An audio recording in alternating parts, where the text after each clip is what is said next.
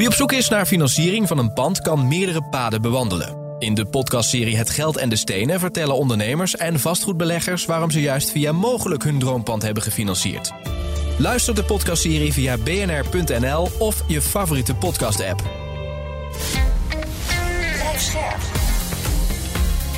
BNR Nieuwsradio. Vastgoed gezocht. Maarten Bouwhuis en Maarten de Gruiter. Discriminatie, slecht onderhoud, bedreigingen, te hoge huurprijzen en het wilde westen. Al die termen kwamen de afgelopen week langs tijdens het Kamerdebat over misstanden in de huursector. De vraag van deze week: maken de huurbazen in Nederland er nou echt zo'n potje van? Dit is vastgoed gezocht, jouw wekelijkse update over de wereld van de stenen. Je hoort ons natuurlijk elke maandagavond op BNR of gewoon online via je eigen podcastplayer of bnr.nl. Maarten de Gruiter, projectontwikkelaar, staat uiteraard weer naast mij als co-host. We beginnen even met de huizenprijzen, Maarten. Ze stijgen weer iets. Ja, de, de, de kan uit. Eh, de champagne kan openen. Ja, sinds vijf maanden, uh, januari, met anderhalf procent uh, gestegen, meldt het, het CBS en uit cijfers van het kadaster blijkt dat. Dus dat is, dat, is, dat is positief nieuws. Het, het, het interessante is, want het, is het, het CBS heeft het ehm, bekendgemaakt, maar ja, ik heb natuurlijk wel eens te denken, hoe kan dat? Ja. want ik heb niet, want ik zat eerst even te denken, mijn eerste ingeving was, het komt omdat we toch een groei door hebben gemaakt hè, en dat er een Mhm. groei ook dit jaar verwacht wordt, economische groei. Ja, dat was nog helemaal niet bekend kent. He, want dit zijn de cijfers van januari. Dus ik ben Ja. wel benieuwd waarom dus mensen toch weer... ehm, er zijn wel minder transacties geweest. Ja, dat heeft er natuurlijk een beetje mee te maken. Gemiddeld betaal je dus nu voor een woning 424.000 euro. Ja. Er zijn 6,6% minder transacties. Ja, met minder transacties en een aantal mensen die zeggen... ja, de prijzen zijn wat gedaald. Ik ga nu toch proberen die woning te kopen... waar ik al jaren naar zoek. En ik hoef niet meer mee te dingen met 20 anderen. Ja, dan krijg je dus weer even een opleving. Ja, nou, maar ik, ik denk dat goed. Kijk, ik, ik denk dat uiteindelijk, want er gaat een, eh, de, de vraag naar woning gaat alleen maar stijgen. Het aanbod gaat de komende jaren juist afnemen. Gaat niet meelopen. Dus die spread wordt alleen maar groter. Dus die prijzen gaan uiteindelijk Ja, je zegt, als, je exploderen. als je het economisch gezien structureel bekijkt... dan kan het niet anders zijn dat in de toekomst de prijzen weer omhoog Absoluut. gaan. Maar economen van ING melden vorige week... dat zij voor 2023 een daling van 6% verwachten. maar- Dat is al best fors. Ja, maar dan, dan kijk, ik heb het erover. Is het een woning om te wonen of in te handelen? En Ja. Als het in te wonen, dan laten we zeggen dat je een, een, een, een, horizon van 10 jaar, 15 jaar hebt. Ja, dan hoef je, moet je niet gaan wachten tot het op het dieptepunt is. Dan moet je eigenlijk, ik denk dat je gewoon moet gaan kopen wat je nu wil kopen. Ja, als je het kunt financieren. Want de prijzen zijn nog dusdanig hoog... gebaseerd op die rentes van 1,5%. Ja, maar de rente is helemaal niet hoog. Nee, historisch gezien is de rente niet Nee, hoog. het gaat ook niet meer naar beneden, de prijzen hoor. zijn natuurlijk verdubbeld in de afgelopen vijf jaar... gebaseerd op die rente die naar 1,5% ging. Ja, maar de krapte, de krapte op de ma- huizenmarkt, die gaat alleen maar groter worden. Eh, het is ook de periode waar veel mensen een aanslagbiljet van de gemeentelijke belastingen weer binnenkrijgen. Heeft u hem al binnen? De WOZ-waarde niet schrikken, want ja, de prijzen zijn gestegen. Heb je hem al gezien van jouw Ik, huis? ik heb hem nog niet eh, binnen, maar ik zit wel een beetje te beven. ja, precies. Je kunt bezwaar maken. ik, dat ga ik natuurlijk uiteraard doen. Nee, maar het is wel interessant, want het kan best lonen als de prijzen nu dalen. Dat je dan toch zegt, ja, hallo, de- deze stijging vind ik wel heel fors. Zeker, maar het probleem is altijd wel een beetje dat met die, hè, die taxaties en die, en die bezwaren, dat het loopt natuurlijk altijd een tijdje achter. Ja. Maar ik denk dat zeker in deze tijd is daar wel iets voor te zeggen. Vastgoed gezocht. Ja, het is niet best gesteld met de huurmarkt in Nederland. Dat vindt althans een groot deel van de Tweede Kamer, die hierover afgelopen week debatteerde. Een nieuwe wet moet een einde maken aan de misstanden in de sector. Ebru Umar is eh, hoofdredacteur van Overwaarde, een platform voor particuliere vastgoedbeleggers. Van harte welkom. Dankjewel, bedankt voor de uitnodiging. En de meeste mensen kennen jou als eh, columnist, eh, maar je bent dus ook actief als vastgoedbelegger, heb ik begrepen. Ja, en nog langer dan columnist. Dus ja, Hoeveel panden, hoeveel panden heb je zelf? Eh, dat vind ik altijd een hele moeilijke vraag. Oh, Eh, wat zijn het voor panden? Is het genoeg als ik zeg 1500 vierkante meter in het centrum van Rotterdam? Ja, Is dat is prima. En een pand is gemiddeld 100, dus ongeveer 15 panden. En eh, de, wat voor zijn het appartementen Nee, of ik flats? vind of wat? panden... Kijk, dat vind ik echt zo'n misverstand. Een pand is een heel gebouw waarin Ja. appartementen zitten. Juist. En het verschil, je hebt appartementjes en je hebt panden. En eh, Eh, maar je hebt dus die 1500 vierkante meter in Rotterdam te huur als particuliere belegger. ja, En, en eh, werk je er zelf ook aan eigenlijk? Eh, wat is werken? Het is geen dagtaak, eh, maar soms ook weer wel. Ik heb gewoon een baan. Eh, ik ben columnist, ik Ja. schrijf. Ik ben hier. Als er wat is, dan word ik altijd gebeld door de beheerder. Wat moet ik doen? Ik Ja. krijg net weer een mailtje. Kun je de metersstanden de- doorgeven? Ja, ik oké, echt maar- denk, hou eens op. Er is dus wel een beheerder, want ze zitten in box 3. Dus dat is belangrijk. Ik heb zeker een beheerder. Dus ik dacht al helemaal van waarom kom jij niet langs? ja. Passieve belegging. We gaan het hebben over de middenhuurregeling, over box 3. Ehm, afgelopen donderdag debatteerde de Tweede Kamer over de huurmarkt. En uh, dit is wat Jesse Klaver toen zei. Helaas is de huurmarkt in Nederland lijkt soms wel een, een uh, wild west. Uh, en we kennen allemaal de verhalen die we krijgen toegestuurd van mensen of die we, die we zelf meemaken bij ons in de straat of als je op, op bezoek ergens bent. En daarom is het goed dat er nadere regels worden gesteld. Ja, hij was niet de enige die deze taal gebruikte. Bedreigingen, discriminatie, de woorden kwamen allemaal voorbij. Um, Ebru, hoe luister jij als verhuurder hiernaar, naar dit soort teksten uit de Tweede Kamer?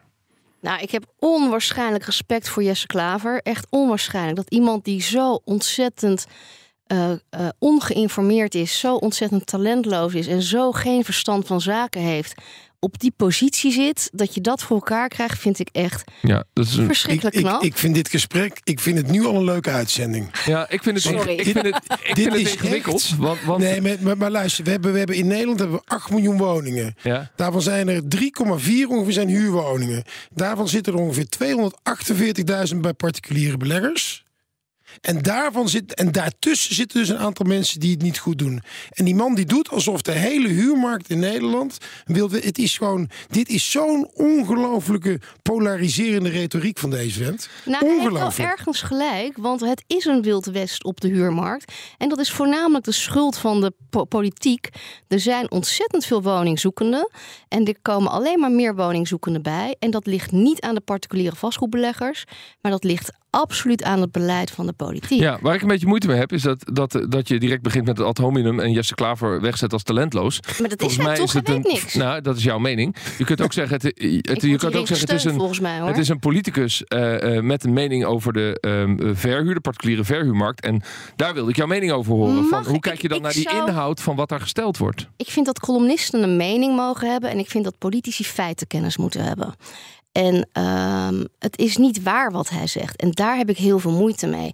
Want als er wordt gezegd dat er 3000 eh, eh, eh, huurders klagen over hun eh, woonomstandigheden, want daar schijnt onderzoek naar gedaan te zijn, dan denk ik: oké, ik hoor net maar te zeggen van eh, eh, er zijn 3,5 miljoen ehm, huurwoningen.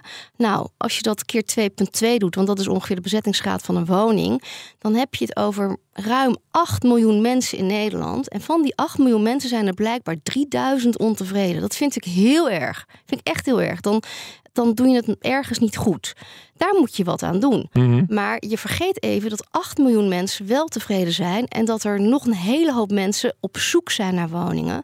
Dus doe dan je best als overheid om ervoor te zorgen dat de woningen bijkomen. Ja. En dat kan makkelijk. Ook Jesse Klaver kan dat. Maar als het gaat over de verhuurders, heeft de Kamer ook ter voorbereiding op dit debat, ehm, laten we zeggen, zich ook ehm, met een onderzoek eh, proberen te helpen. En zij zeggen, er is een flink woningtekort en daar profiteren verhuurders van, met veel te hoge huurprijzen bijvoorbeeld. Er werd ook onderzoek eh, aangehaald uit Utrecht, waarin 97 ehm, procent van de mensen te veel betaalt aan huur dan ze volgens het stelsel zouden mogen. Mhm. Ik bedoel, hoe kijk je dan naar dat soort cijfers? Het zijn twee dingen.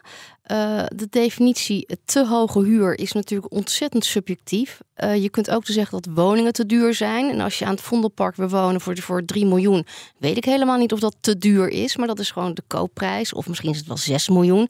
Dat hangt helemaal van je portemonnee af of het te duur is. Ja. Dus dat is, dat is echt een zit- subjectieve eh, mening. Het, zit hem in niet meer, het zit hem in niet meer dan die 750 euro die je sociaal zou mogen betalen voor het type woning wat die mensen huren. Dat Ja, zeggen, als je gewoon. Als je Gaat gewoon het in Utrecht over de sociale of gaat het over eh, het, gaat, het, gaat over, het gaat over het geheel. Maar dat, dat stuk particuliere verhuurder die daarin zit, Mhm. ja, die, die biedt het type woningen aan wat in het sociale stelsel niet meer dan 750 euro zou kosten. Dat is het punt. Ik denk niet dat dat de norm is. Ik denk dat daar zeker gevallen zijn. Maar de huurder is daarin beschermd. Hè? Als de huurder twijfelt aan zijn huurprijs, kan hij daartegen optreden. Ja. En dat staat hem helemaal vrij. Daar, daar heeft hij nu al voldoende maatregelen voor. En als een verhuurder ehm, een beetje ehm, risicomijdend is, dan houdt hij zich gewoon aan die huurgrens en zorgt hij ervoor dat er geen eh, excessen plaatsvinden. Ja, dit is wat minister Hugo de Jonge er verder over zei. Een belangrijk gegeven is dat we weten dat ongeveer de helft van de private verhuurders bij eh, het onderdeel van de te verhuren woningen die je als sociale woningen zou moeten kwalificeren, dus onder de 750 euro, de helft daarvan vraagt meer. Ik vraag me af hoe Hugo de Jonge dat weet. Want er worden overal onderzoeken naar gedaan. En al die onderzoeken legt, legt hij naast zich neer. Dus uh, hoe hij aan deze cijfers komt en waarom hij deze cijfers wel betrouwbaar zou vinden. En waarom hij zich hier wel iets van aan zou trekken. Ja, beats me. Mhm. En ik geloof niet wat Hugo de Jonge zegt. Nee, maar de vraag is of we de rest van de uitzending een gesprek gaan hebben over, laten we zeggen, het in twijfel trekken van alle cijfers en onderzoek. Nee, wat nee, mag nee, overigens, of doen. dat we naar de inhoud gaan. We gaan naar de inhoud. We gaan naar de inhoud. Alleen de vraag is. Eh, waarom zou je deze inhoud van Hugo de Jonge vertrouwen, terwijl hij alle andere inhouden die hij voor zich krijgt wantrouwt? Maarten, wij hebben vaker kritische gesprekken over wat er gebeurt op de woningmarkt. En, de- en ook de regulering die, laten we zeggen, alleen breder ook dan deze verhuursector, die Hugo de Jonge eh, wil neerleggen en de regie naar zich toe trekt. Hoe, hoe luister je naar, naar de stellingname van Ebru? Nou, ik ben het daar natuurlijk voor een groot gedeelte wel mee eens. Hè. Dus hij, hij luistert, hij, hij shopt inderdaad wel erg eh, in, in de onderzoeken. Eh, maar hij stelt bijvoorbeeld ook, kijk, ik, ik ben niet eh, per se tegen zijn eh, nieuwe eh, puntenstelsel. Alleen, het, ik denk dat het heel weinig zin heeft, zal gaan hebben. Ehm, hij stelt bijvoorbeeld dat met een mutatiegraad van 20% hij zegt tussen de 20 en 25 procent in vier, vijf jaar tijd iedereen een nieuw contract heeft. Ja, dat is, dat is natuurlijk onzin. Die, ik weet niet waar hij die mutatie vandaan haalt. Hè, hoe die, die, dat is gewoon geen, in de grote steden is dat geen mutatiegraad bij particuliere Maar een, minister eh, zuigt toch niet een mutatiegraad uit zijn duim waar hij een wet op gaat baseren? Nou ja, ik weet niet of waar die mutatie gaat. Kijk, misschien is dat een gemiddelde. En misschien haalt hij daar. eh, ehm, eh, kijk, het is bijvoorbeeld bij institutionele beleggers. Klopt die sowieso al niet. Is die mutatiegraad veel lager. Ja, ja, ja. Oké, ehm, laten we even naar die nieuwe wet, waar dus afgelopen week over gesproken is, eh, gaan. Eh, goed verhuurderschap. Uh, woonminister De Jonge wil de ongewenste verhuurpraktijken dus aanpakken. En in de notendop komt, komt het hierop neer. Gedrag van verhuurders wordt genormeerd. En gemeenten krijgen mogelijkheden om malafide verhuurders juridisch aan te pakken. Ehm, is het wel goed dat er zo'n extra wet komt, uh, Ebru Umar? Niemand kan tegen goed verhuurderschap zijn. Ik denk dat elke verhuurder uh, daarvoor is en ook zijn best doet om een goed verhuurder te zijn. De vraag is of je dat in een wet moet uh, vastleggen. Oké, leg het in een wet vast. Andere vraag is, moet je hier nou heel veel tijd aan besteden en heel veel mankracht aan wijden, terwijl er echt een woningtekort is, waar, terwijl er woningnood is. Ik zou zeggen dat je minder voor de bühne maatregelen moet treffen en uitspraken moet doen, maar dat je echt iets moet gaan doen aan het oplossen van de woningnood. Ja, en als die wet er komt, uh, dan ligt de handhaving bij de gemeente. Ja, heel veel succes ermee. Ik heb toevallig van de week een huurrechtadvocaat gesproken. Die zei, die wet is, uh, uh, ligt bij de gemeente. Die is niet um, landelijk hetzelfde. Gemeenten mogen zelf uitzoeken hoe ze gaan handhaven, hoe ze gaan controleren. En daar is helemaal geen mankracht voor. Er is ook al geen mankracht voor om te kijken of de kantoorpanden wel een label C hebben. Ik vind het heel erg jammer, echt ontzettend jammer, dat er zoveel capaciteit uitgaat naar uh, maatregelen die de woningnood niet oplossen als je het over de inhoud wil hebben. De woningnood los je op door mensen te stimuleren in plaats van te reguleren, te beperken, te bestraffen, maar juist door mensen te omarmen en ze te prijzen voor wat ze doen. Namelijk uh, woningen verschaffen aan mensen die woningen zoeken waar de overheid faalt. Want het is de overheid die niet in staat is gebleken decennia lang, eigenlijk al sinds de Tweede Wereldoorlog, om huisvesting te, te regelen. Dat ligt bij particuliere verhuurders. En ik ken echt helemaal niemand die niet zijn wooncarrière is begonnen bij een particuliere verhuurder. Ja, nou, laten we dat... Ja, dat, dat, is natuurlijk, dat is natuurlijk beperkt. Hè? Dus, dus er zijn 240.000 of zo uh, woningen bij particuliere verhuurders. Ja. Dus dat is, er gaat natuurlijk ook heel veel naar corporaties. Ja. Maar, het, maar het gek is, waar, waar ik het met je eens ben... Kijk, het, we zijn enorm... Er is zoveel aandacht en er wordt zoveel energie gestoken in de bestaande woningen eerlijker te verdelen. Mm -hmm. Maar daar, daar, los je natuurlijk nooit het nee. tekort mee op. Dat, is, dat is, vind ik echt bizar, want er is zoveel energie in gestoken. Terwijl uiteindelijk Hugo de Jonge zelf ook zegt dat de oplossing ligt in meer woningen. Maar ja, dat, dat, dat zie je niet ja. aan wat hij doet. Maar en weet je, mag ik nog even één ding daarop zeggen? Weet je dat corporaties nog steeds verkopen? Want gisteren kreeg ik een mailtje van iemand die zei: Kan je me adviseren? Ik moet een, bod, een bod doen op een corporatiewoning. Dat ik echt dacht: in deze tijd verkopen corporaties nog woningen. 90, nee, 110 vierkante meter voor 267.000 euro. Ja, wij, ja. wij hebben binnenkort de Amsterdamse wethouder Pels in de uitzending. Die heeft gezegd: in Amsterdam willen we niet meer dat corporaties woningen kunnen verkopen. Ja, Dan gaan we daarop in. Maar ik weet niet of dat zo erg is. Ja. Voor corporaties woningen, als je voor één verkochte woning eh, er twee eh, of drie nieuwe kan bouwen. Maar doen ze dat? Dat is de vraag. En dat zie ik nog niet gebeuren. Ja, dat gaan we dan aan mevrouw Pels voorleggen. Ehm, Ja. eh, de, de, het punt waar het nu over gaat is die, Mhm. die verhuurders waarvan de politiek eh, toch wel vrij breed zegt, daar, daar blijft een probleem liggen. Ja. Jij bent daar zeer kritisch op. Ehm, ehm, nu zijn Ik er toch een het aantal... probleem niet, Nee, hè? begrijp ik. Nee, begrijp ik. Daar wilde ik naartoe. Daar wilde ik naartoe.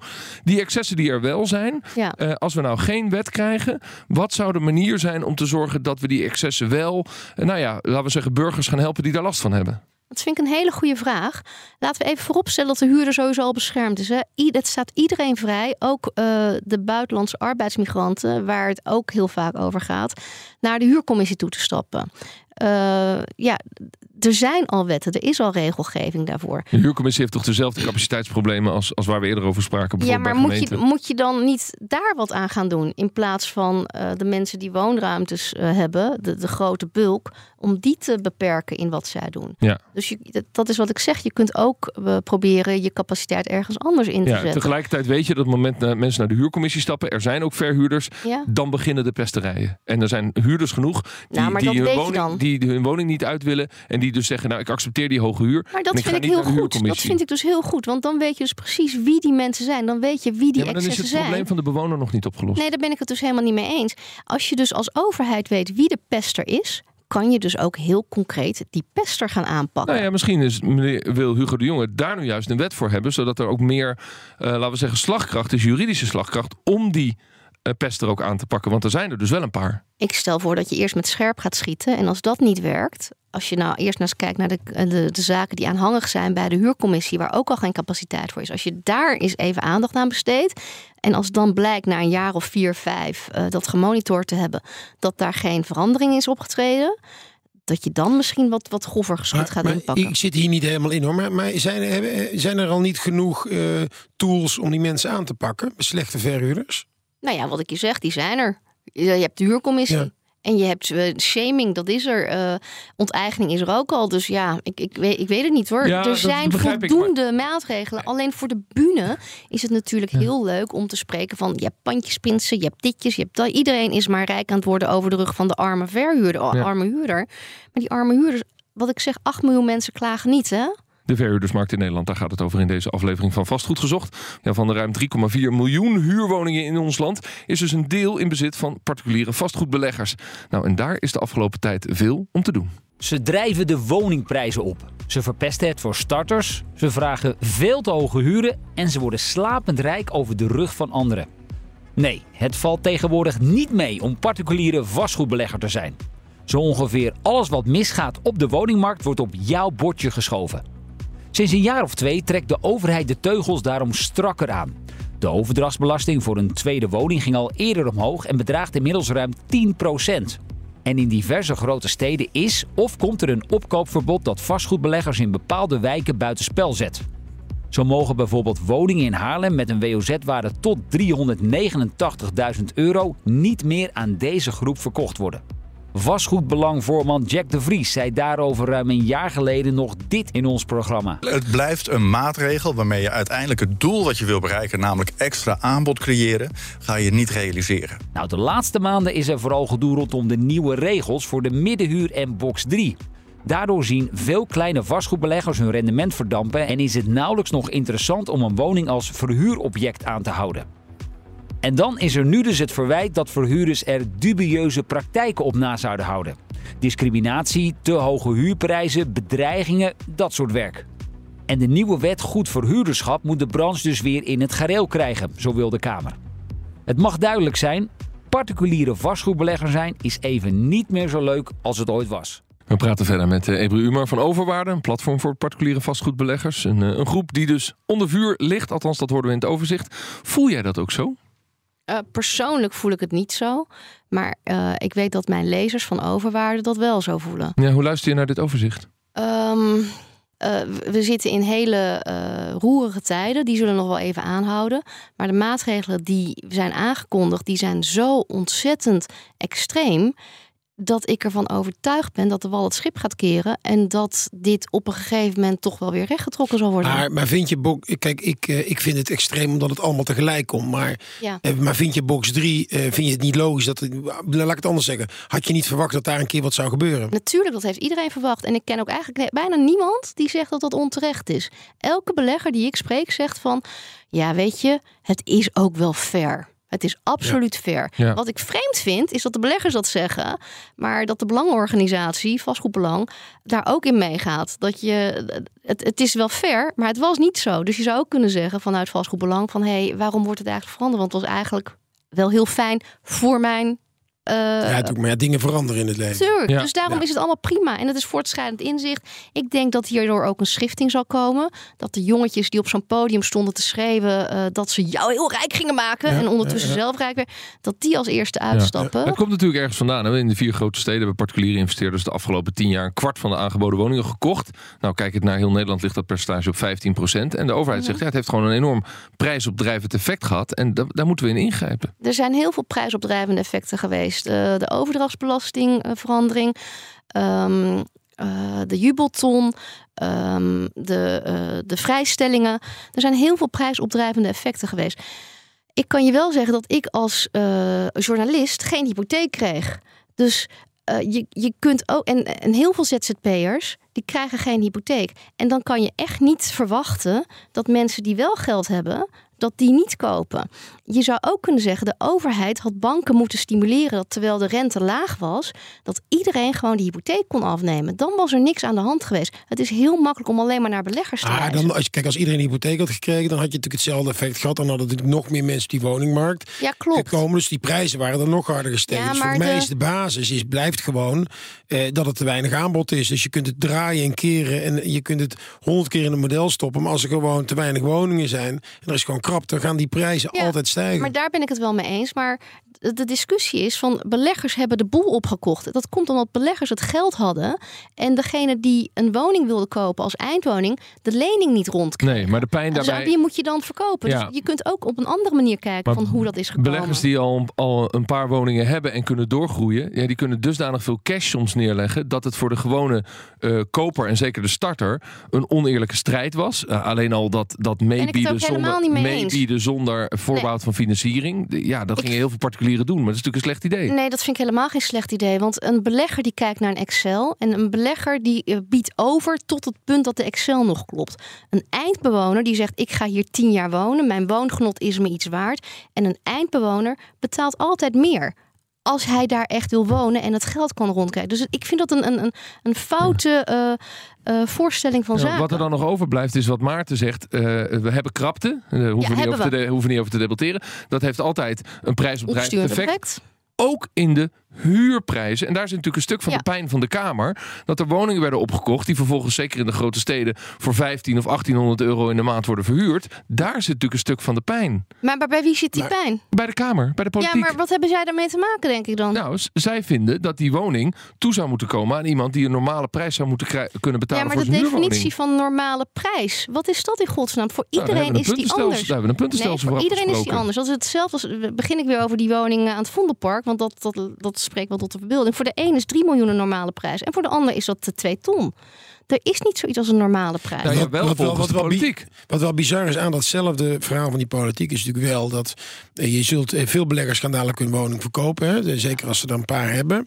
En eh, daarvan zegt dat politiek, nou prima, dan komen die op de markt. Maar het slechte daarvan is natuurlijk dat die hele huurdersmarkt natuurlijk nog minder aanbod krijgt. Dus er is dadelijk gewoon nog minder te krijgen op die markt. Ja. Kunnen we ook over oplossingen praten voor die woningnnood? Ehm, is dat ook een Nou, onderdeel ik wil van... het nog even met je. ik wil het nog even. Nou, we hebben heel veel over oplossingen gepraat, Oké. namelijk bouwen. Eh, er is nog veel te doen over de box 3 maatregel. Hadden we het net even over. Gevolgen voor particuliere beleggers zijn natuurlijk verschillend. Ja. Hè? Het hangt van allerlei factoren af. Ik heb één belegger gisteren gesproken die 50 keer meer belasting gaat Oké, betalen. weet jij het al van jezelf? Eh, mijn fiscalist heeft op, een, op de achterkant van een bierviltje vier keer gezet. En dat kun je leiden met, met de businessmodellen die je hebt onder je woningen? Ik uh, ben, ken je die drie aapjes? Niet horen, niet luisteren, niet praten. je bent nog in denial. Je bent nog in denial. Uh, ik kan het vandaag leiden, maar hoe dat uh, na de verbouwing ervoor staat, weet ik niet. Nou, ik wil in ieder geval danken voor dit gesprek, Ebru van Overwaarde. Dank je wel voor de uitnodiging. Graag gedaan. Voor ik afsluit wil ik heel graag nog een oproep doen. Op 16 april staan wij namelijk op de dag van de vastgoedfinanciering in Amsterdam.